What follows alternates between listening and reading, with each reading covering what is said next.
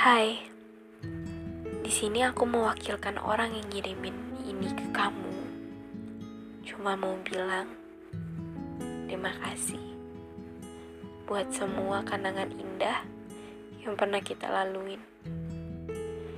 Mungkin karena aku terlalu sibuk mencintaimu dan terlalu takut kehilanganmu. Tanpa sadar nyatanya kamu sudah tidak mencintaiku lagi.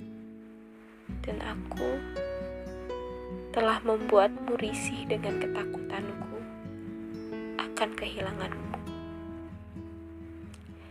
Jika kelak dirimu menemukan seseorang penggantiku, tolong sayangi dia, cintai dia. Jangan pernah kamu sakiti dia dengan kata-kata yang menyakiti hatinya. Sampai detik ini, aku tetap mendoakan yang terbaik untuk dirimu.